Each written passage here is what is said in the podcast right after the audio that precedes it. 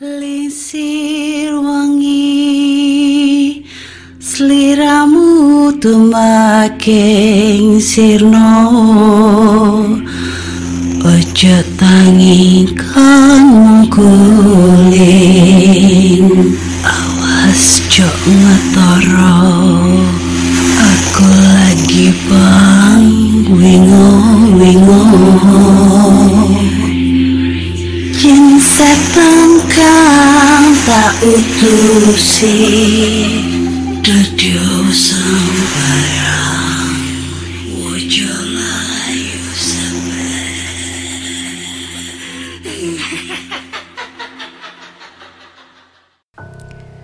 Hai Rek, ya apa kabar?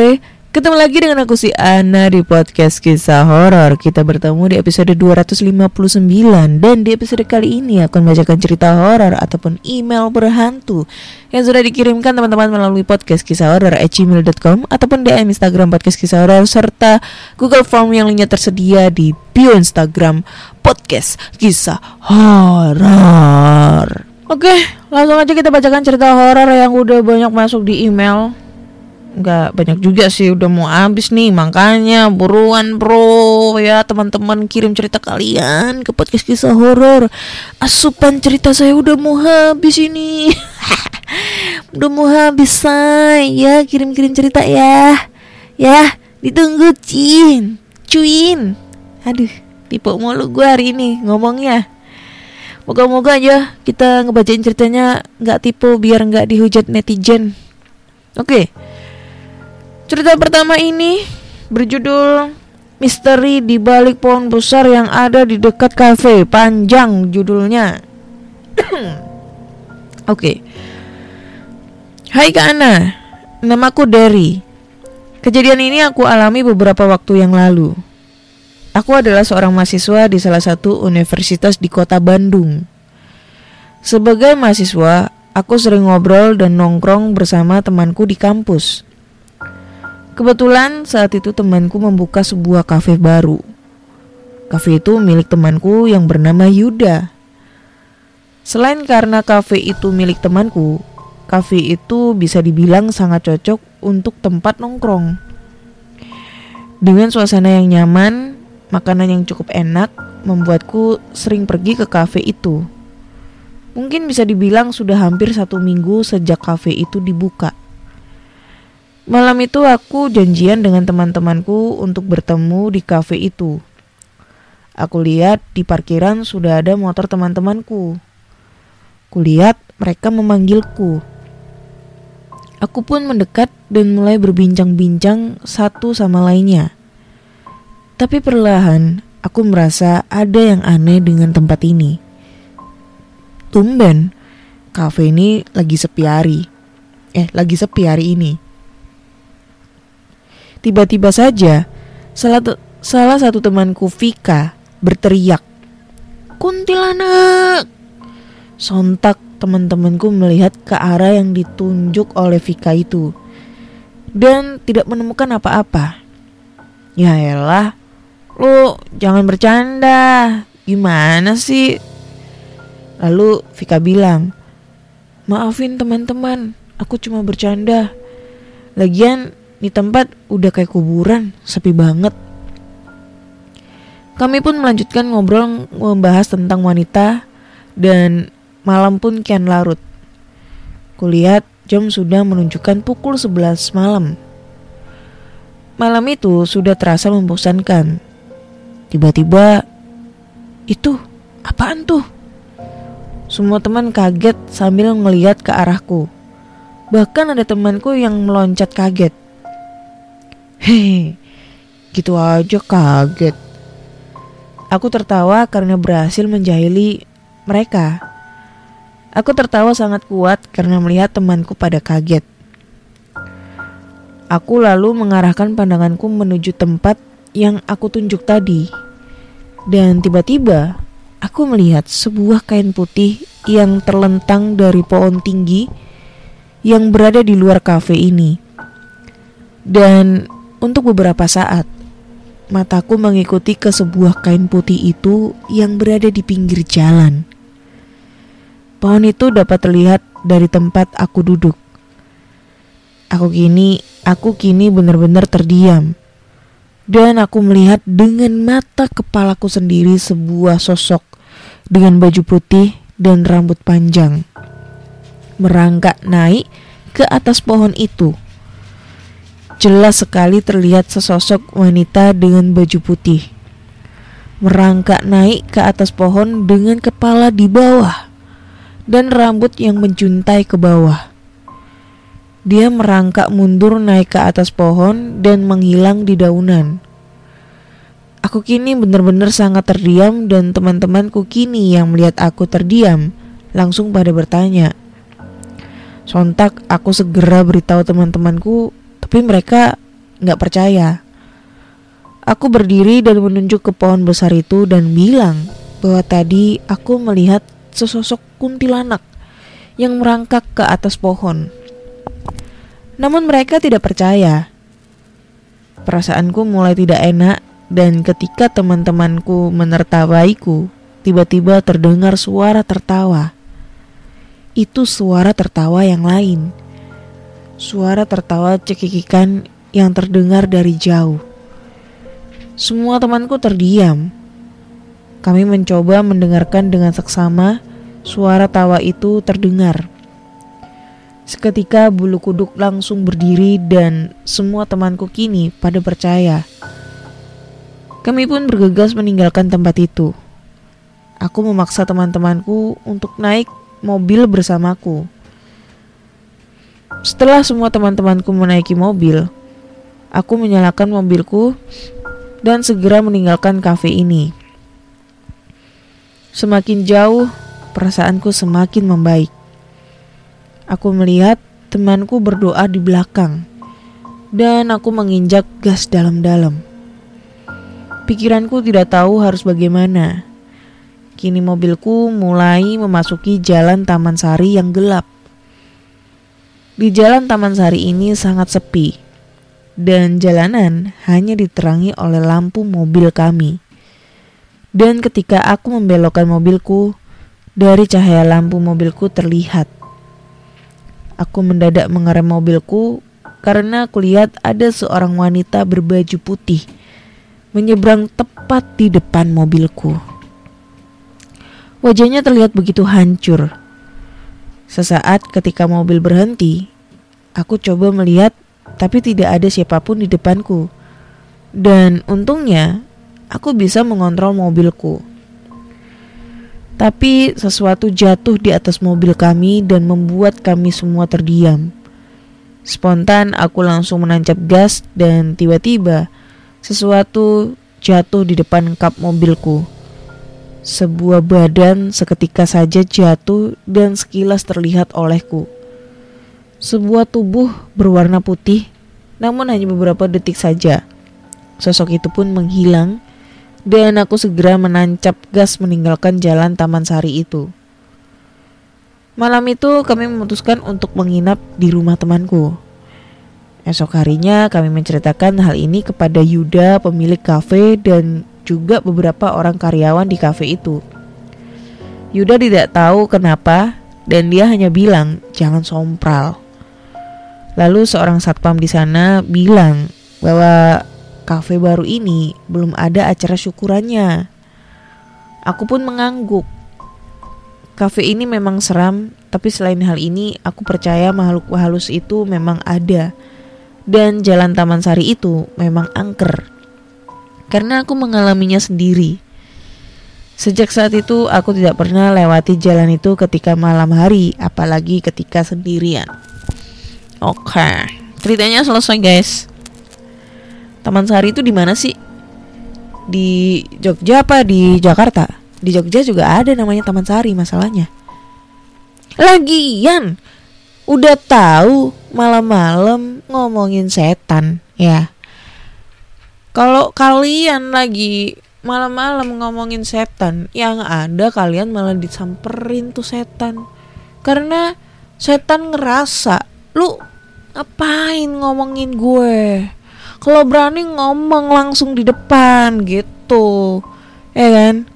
Karena emang kebanyakan kalau misalnya kita lagi nongkrong nih ya, lagi nongkrong terus ya nongkrong-nongkrong gitar-gitaran, acara ke api unggun atau apa gitu ya, jam-jam 10 ke atas gitu terus tiba-tiba timbul obrolan.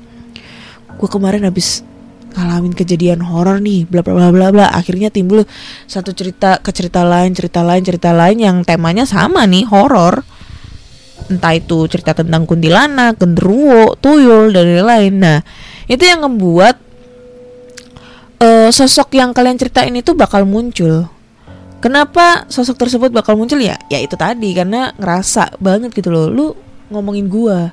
Akhirnya mereka tuh kayak kepo, penasaran dan ujung-ujungnya kalian ditampakin gitu. Karena gue juga pernah mengalami hal-hal seperti ini ya pada saat ngebacain cerita horor kayak gini kan ngebacain cerita-cerita dari kalian entah itu ketemu kuntilanak ketemu setan dan lain-lain dan ujung-ujungnya gue ditampekin tuh. Ya ya mungkin emang nggak ditampakin secara real di depan mata gitu enggak tapi kayak ngerasa kayak ada sekelebat sekelebat baik uh, kayak dulu tuh gue pernah cerita ya ada sekelebat putih. Cepet banget zret satu detik bro. Bener satu detik satu detik tapi dia bolak balik gitu. Zret zret cerut cerut cerut cerut moncrot. Cerut cerut gitu ya. Nggak nggak. Kayak gitulah nah gue kenapa kok ngerti itu kayak bayangan putih? Karena gue ngeliat kayak kain gitu. Kain putih terus bunyi ber ber kayak gitu. Ini gue udah sering cerita di podcast kisah horor sih karena emang kejadian ini pas gue selesai uh, ngebacain cerita horor pas selesai rekaman gitu kan. Kan kalian tahu sendiri ya gua rekaman mesti tengah malam gitu. Nah itu dan itu terjadi ya di depan kamar gua. Karena biasanya kalau gua tidur pintu kamar tuh nggak pernah gua tutup. Tapi di depan pintu kamar itu kan teras buat ngejemur pakaian ya. Itu lampunya mati gitu. Gue mager banget gitu. Sampai sekarang gue mager banget buat ganti lampu. Karena biasanya udah dipasang lampu nggak lama gitu jeda seminggu dua minggu pasti lampunya mati gitu loh. Padahal tuh lampunya baru bro lampu mahal lagi bermerek lagi bisa mati jadi gue males gitu kan nah di satu sisi lain di dekat rumah gue pas ini kan ini kan rumah rumah gue sebelah rumah gue itu jalan jalanan belokan gini. Nah, pas di belokan itu ada rumah tusuk sate. Kebetulan rumah tusuk sate itu kosong udah puluhan tahun. Jadi udah kerasa angkernya kayak gimana. Udah rumah kosong. Posisinya tusuk sate gitu kan. Karena yang kita tahu kalau kita dapat lokasi yang rumah tusuk sate itu kata orang-orang sih adalah tempat buat uh, lalu lalangnya makhluk astral gitu loh. Kayak apa ya? Kayak pintu ke dimensi lain. Nah itu. Nggak tahu sih gue bener apa enggaknya tapi emang kejadi uh, emang rumah gue uh, tetangga gue yang rumahnya kosong sampai sekarang ini itu lokasinya itu ditusuk sate. Dan itu ada di depan rumah gue gitu loh. Kerasa kan seremnya kayak gimana gitu kan. Hmm. Kayak gitu guys. Serem belum ya? Jadi kita lanjut ke cerita berikutnya. Oke, di cerita kedua kali ini ada cerita. Tapi dari judul ini membuat aku sedikit menarik ya, karena jarang gua ngedapetin cerita ini dari judul sih ya. Kita nggak tahu isinya ya. Oke, judulnya adalah wanita penunggu warung tetangga. Oke. Jadi langsung aja kita kita ke cerita. Setelah bapak saya gulung tikar, saya pindah rumah yang lokasinya nggak begitu jauh dari rumah saya. Saya nggak akan memberitahu lokasi karena itu privacy. Jadi kira-kira 10 menit bila kita berkendara dari rumah lama saya. E, jadi tempat oh kira-kira 10 menit bila kita berkendara dari rumah saya lokasinya ya. Jadi tempat saya tinggal saat itu disebut dengan kampung pendatang. Karena warga di sana 98% adalah warga dari luar daerah seperti Jawa, Jakarta, Bengkulu hingga Medan. Makanya sampai disebut kampung pendatang. Di lokasi baru ini keluarga kami sangat diterima dengan baik oleh warga setempat. Ini adalah bagian terakhir dalam hidup saya selama di Palembang. Karena di kampung ini saya tinggal hingga akhirnya saya pindah ke Medan lagi. Walaupun kampung ini sangat ramai di siang hari, lain halnya di malam hari, sangat sepi hanya pos ronda yang ramai dengan pemuda setempat yang menjalankan piket ronda bergilir selebihnya. Sangat sepi, hanya satu dua orang saja yang lewat. Mengenai masalah horor di kampung, ini pun juga cukup ramai terdengar hingga sampai ke kuping keluarga saya. Kebetulan karena bapak saya bangkrut, akhirnya kami pun mengontrak rumah selama di sana. Terus apa yang jadi masalahnya? Ya, yang punya rumah, rumah kontrakan yang jadi masalah. Banyak desas-desus bahwa wilayah dari rumah kami hingga rumah yang punya kontrakan. Kebetulan yang punya kontrakan rumahnya pas di belakang rumah saya, terkenal lumayan angker. Sudah banyak kejadian uh, yang berada di rumah tersebut, mulai dari penampakan hingga kejadian lainnya. Kejadian itu bukan hanya sekali atau dua kali, tapi lebih dari sepuluh kali. Dari orang yang pertama nempatin hingga akhirnya kami yang nempatin. Jadi salah satu yang membuat menggelitik saya adalah setiap ada ibu mengandung dan calon bayinya adalah perempuan pasti keguguran atau bila lahir bayinya meninggal dunia. Itu itu mitos dari desas-desus warga setempat tentang rumah yang kami yang kami tinggali. Banyak warga setempat itu mengatakan merupakan perbuatan penunggu yang berada di lokasi tersebut. Tapi tak ada yang bisa jadi bukti mengenai hal tersebut. Kejadian berikutnya dialami tetangga saya. Kebetulan tempat mereka mencuci piring dan baju berada di luar rumah sehingga kalau mau mencuci mereka diwajibkan untuk keluar rumah. Jadi pada suatu malam empunya sedang ingin mencuci piring malam hari sekitar pukul 3 pagi. Kebetulan anaknya kerja sebagai security. Sehingga baru jam segitu jam segitu sampai rumah. Pas ibunya mencuci piring, beliau mendengar suara wanita menangis pelan Mendengar suara tangisan, si ibu pun mencari sumber suara tersebut. Alangkah terkejutnya beliau begitu melihat wanita serba putih, rambut menjuntai hingga tanah sambil berayun di tali jemuran pemilik rumah kontrakan saya. Posisi tempat cuci mereka pas di depan tiang jemuran yang punya kontrakan. Kontan saja si ibu pun langsung masuk ke rumah dan gak pernah lagi berani mencuci di tengah malam lagi. Lain halnya dengan pemuda yang sedang ronda di lingkungan sekitar. Sebagai bagian dari kegiatan ronda, maka mereka diwajibkan untuk berkeliling sekitar rumah saya. Sebut saja namanya eh berkeliling untuk melihat lokasi sekitar. Sorry, tipu ya.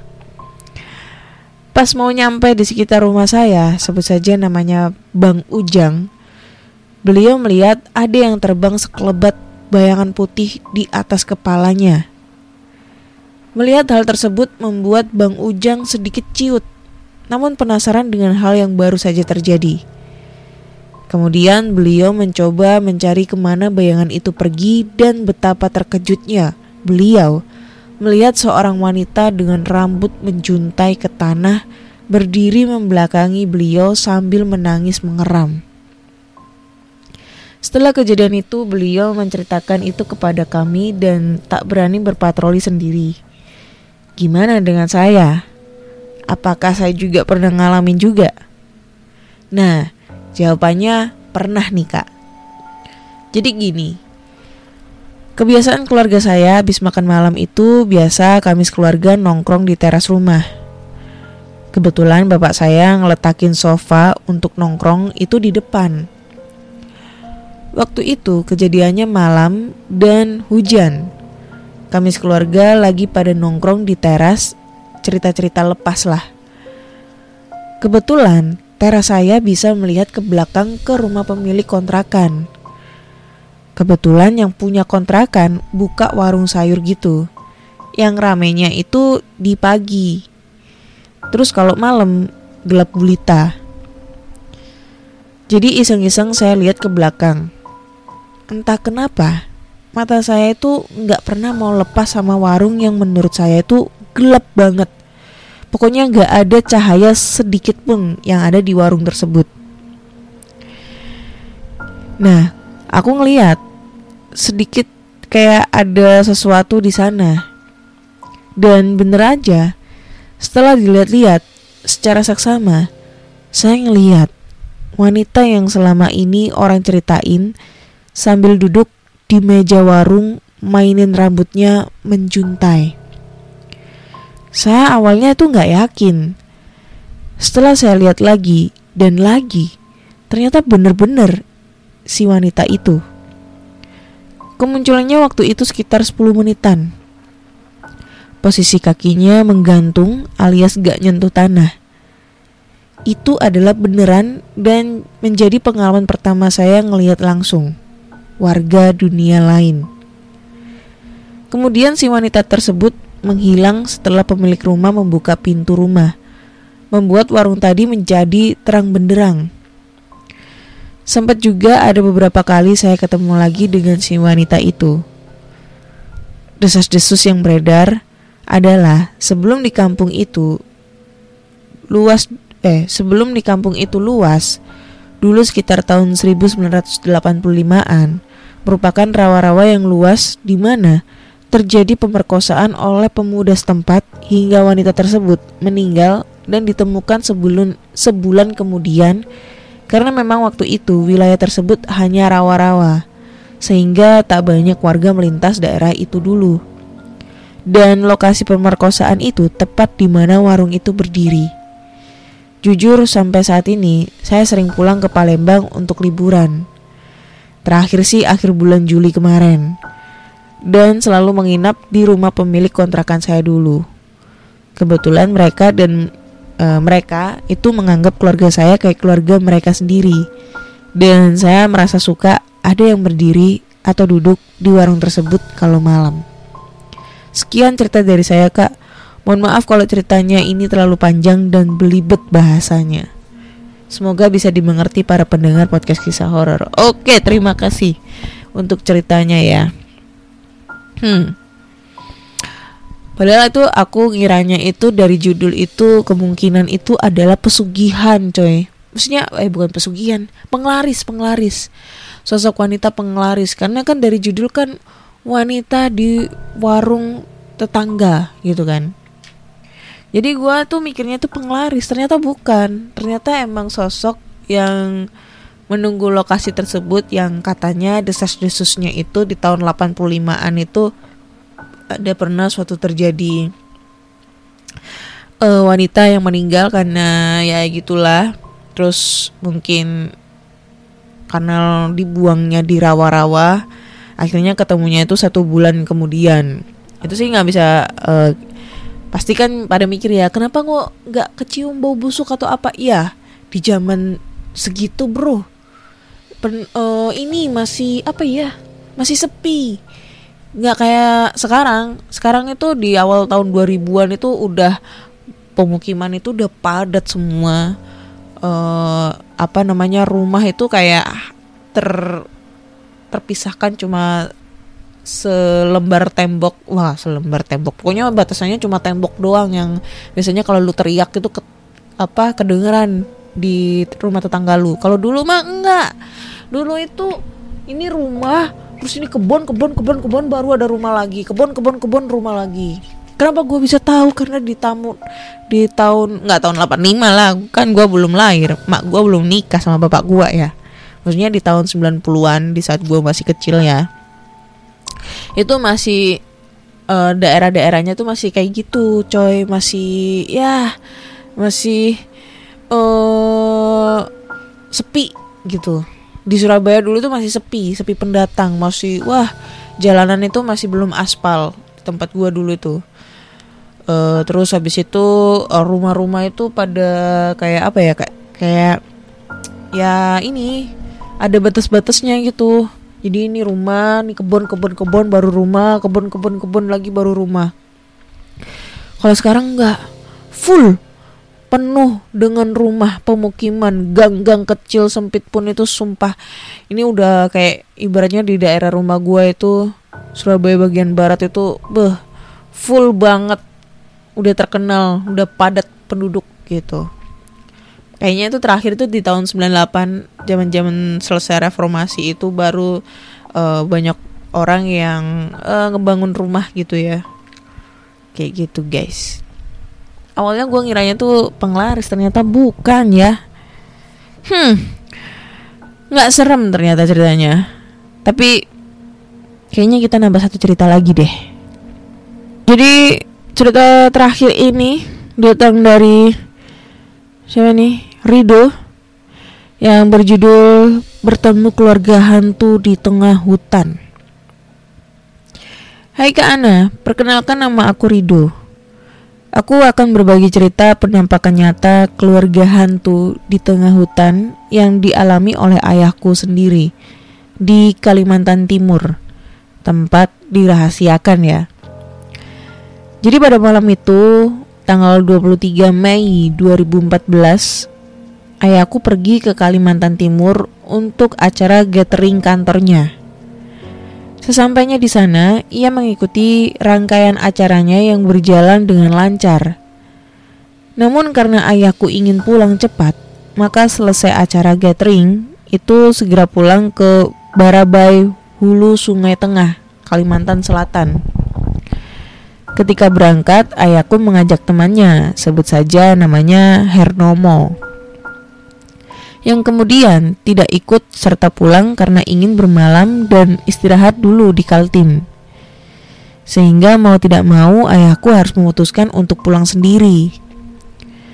Saat di perjalanan, ayahku memacu mobilnya dengan kecepatan sedang atau tidak begitu ngebut. Dan ayahku melewati suatu tempat yang sebut saja nama daerah itu Gunung Rambutan. Jalanan itu cukup menyeramkan Bagaimana tidak? Karena di pinggir jalan itu terdapat jurang-jurang yang cukup dalam ditambah jalannya lagi itu jelek dan berkelok-kelok. Saat itu waktu menunjukkan pukul 23 lewat 30.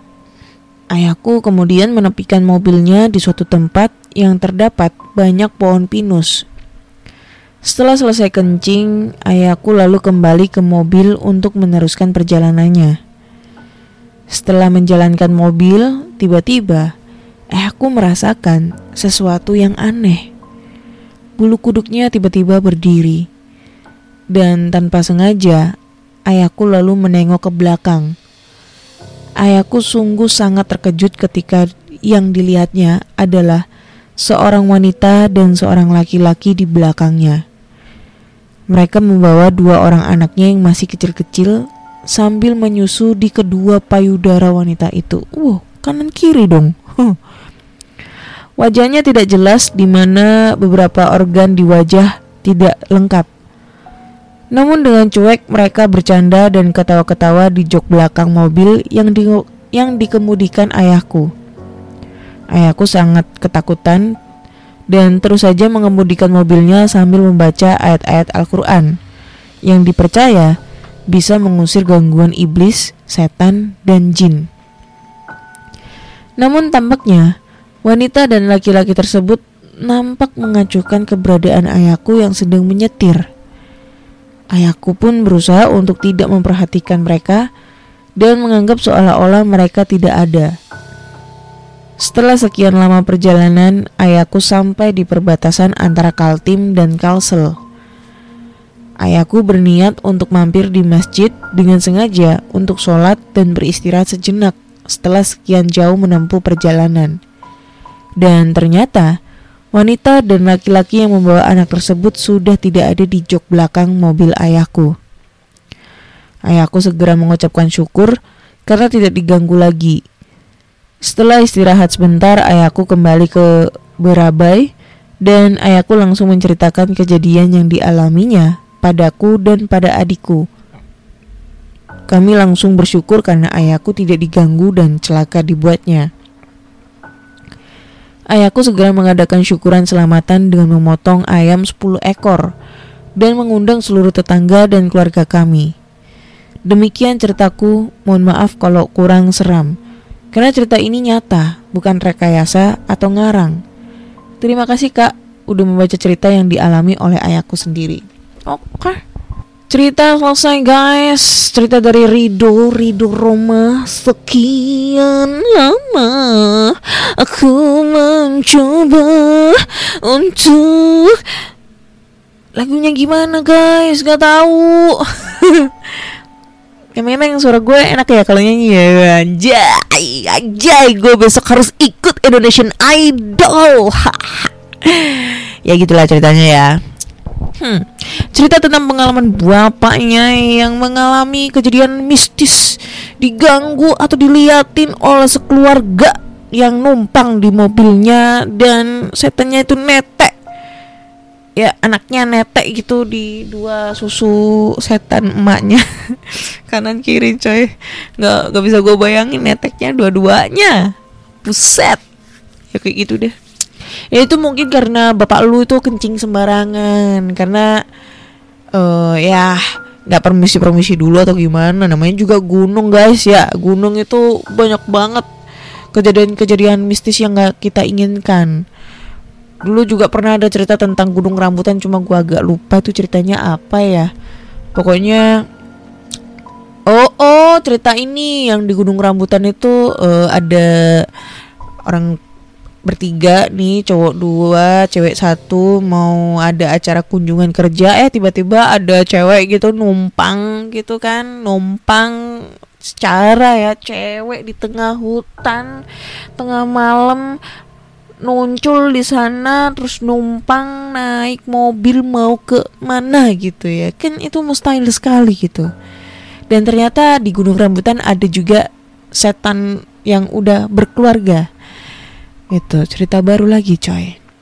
Ya itulah pokoknya kalau kalian semua itu ya buat cowok nih cowok. Nggak mungkin kalau cewek karena cewek itu kalau mau pipis di pinggir jalan ya di pohon-pohon itu ribet harus buka celana melorotin celana melorotin celana dalam jongkok belum na belum lagi nanti rumputnya nyokrok nyokrok gitu ya nyokrok nyokrok gitu ya. Terus habis itu gak bisa cebok beda sama cowok. Cowok tinggal buka resleting dikeluarin selangnya mancur piece of the cur habis itu masukin lagi ditutup. Wah tidak pernah merasakan jongkok gitu pipisnya. Itu. Jadi nggak mungkin cewek itu. Jadi buat teman-teman cowok ya kalau kalian lagi ada perjalanan gitu terus kebelet pipis mending cari amannya itu cari musola kayak atau cari pom bensin gitu buat pipis gitu ya. Jangan pipis di sembarangan tempat karena kita tahu di mana pun tempat kalian berpijak pasti ada uh, penunggunya. Entah itu di pohon entah itu di batu mau di mana pun itu pasti ada penunggunya. Walaupun penunggunya itu tak kasat mata tapi sangat bahaya kalian nggak mau kan titik kalian dipotong secara goib gitu aja karena pipis sembarangan kan? Ya itu guys jadinya. Jangan pipis sembarangan tuh guys ya. Kalau nggak mau titik kalian habis gitu. Oke okay. karena gue nggak mau ngebahas titik di malam hari yang semakin mencekam ini sensitif ya kalau kita bahas masalah titit gitu. Jadi so terima kasih buat teman-teman semua yang udah ngedengerin podcast kisah horor. Di mana pun kalian berada ya. Jangan lupa dengerin podcast kisah horor di Spotify, Google Podcast, Apple Podcast, Noise dan lain-lain. Semua platform podcast kesayangan kalian. Jangan lupa subscribe PKH di Noise. Follow juga PKH di Spotify dan platform lainnya. Kasih rent rating bintang 5 nih buat PKH di Spotify. Kalau kalian suka dengan PKH please masa rating gua 4,4 bikin 4,9 dong ya. Jangan 4,4 berat kamu gak akan kuat biar aku aja gitu. Dan jangan lupa buat kalian semua kalau punya pengalaman horor cerita-cerita horor karena stok cerita gue udah mau menipis udah mau habis ya. Kalian bisa langsung aja kirim cerita kalian ke podcast kisah horor at gmail.com atau di Instagram podcast kisah horor jangan DM lah nanti takutnya nggak kebaca sama gue jadi langsung aja di Google Form aja. G formnya uh, podcast kisah horor yang linknya ada di link tree bio podcast kisah horor. Ya terima kasih sudah mendengarkan podcast kisah horor sampai detik ini dan nantikan di episode berikutnya. Karena nanti gue ada kejutan buat kalian. Oke? Okay? bye bye